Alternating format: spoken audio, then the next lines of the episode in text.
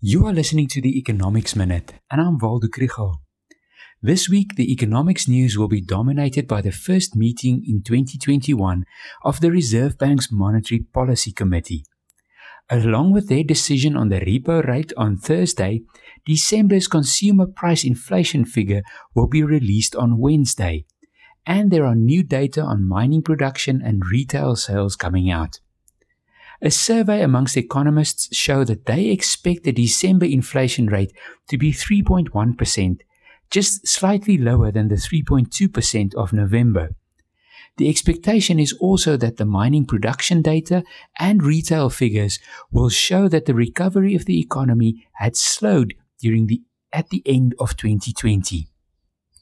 There are those that hope that the low inflation rate and the slower growth of the economy will force the Reserve Bank to cut the repo rate once again by 25 basis points. But the consensus is that they are more likely to wait and see and leave the repo unchanged. The result is that there is very little to stimulate economic growth. Without interest rate relief, consumer spending will not be able to get the economy going.